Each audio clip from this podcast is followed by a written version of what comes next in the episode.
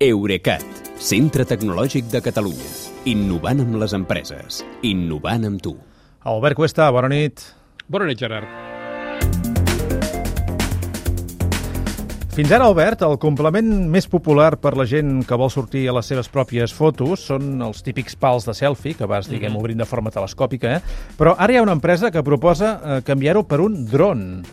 Sí, eh, l'aparell es diu Pixie, amb la segona grega, i és un dron de butxaca que pesa només 100 grams i et cap al palmell de la mà. I des d'allà s'enlaira, es posa al davant teu i et fa fotos o vídeos amb la càmera de 12 megapíxels que porta integrada. Amb cada càrrega de bateria pot fer entre 5 i 8 d'aquests vols, segons la durada, que pot ser de 10 a 20 segons, i quan acaba torna automàticament per alterar-te la mà. Uh, de fet, si et bellugues durant la, el vídeo, uh, et busca. Ah. Els, els 16 gigabytes de memòria interna tenen capacitat per guardar fins a 100 vídeos o un miler de fotos que es descarreguen per Wi-Fi o Bluetooth a l'aplicació Snapchat del mòbil, on hi pots aplicar filtres, publicar-les o exportar-les a d'altres programes. El Pixie costa 230 dòlars amb una sola bateria i 250 amb una segona bateria de reserva més un carregador extern.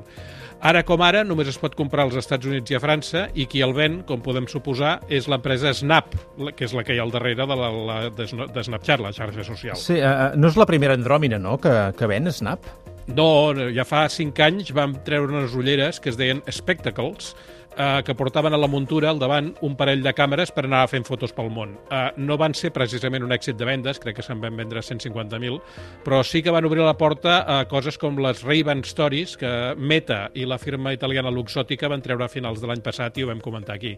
Eh, no se sap ben bé què pretén Snap amb, aquest, amb aquests llançaments de, de dispositius, més enllà de generar contingut nou per Snapchat.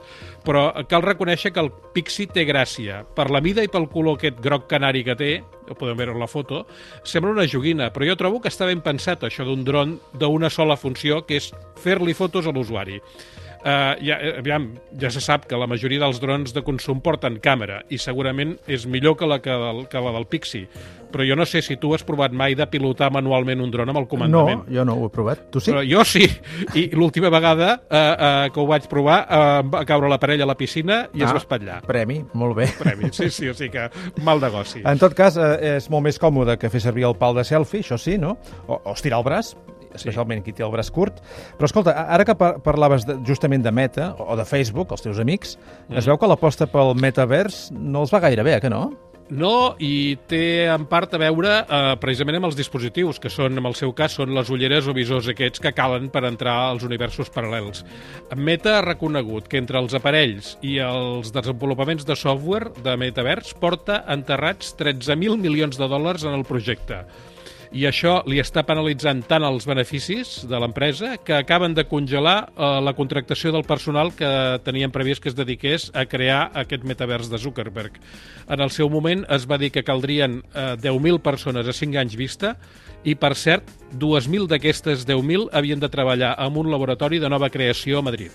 Doncs, escolta, farem com sempre, pendents de com acaba tot, especialment quan es tracta del, del teu amic Zuckerberg. Del meu amic Eh? Zuckerberg, sí. Albert, bon cap de setmana. Igualment, Gerard, fins dilluns. Eurecat, centre tecnològic de Catalunya. Innovant amb les empreses. Innovant amb tu.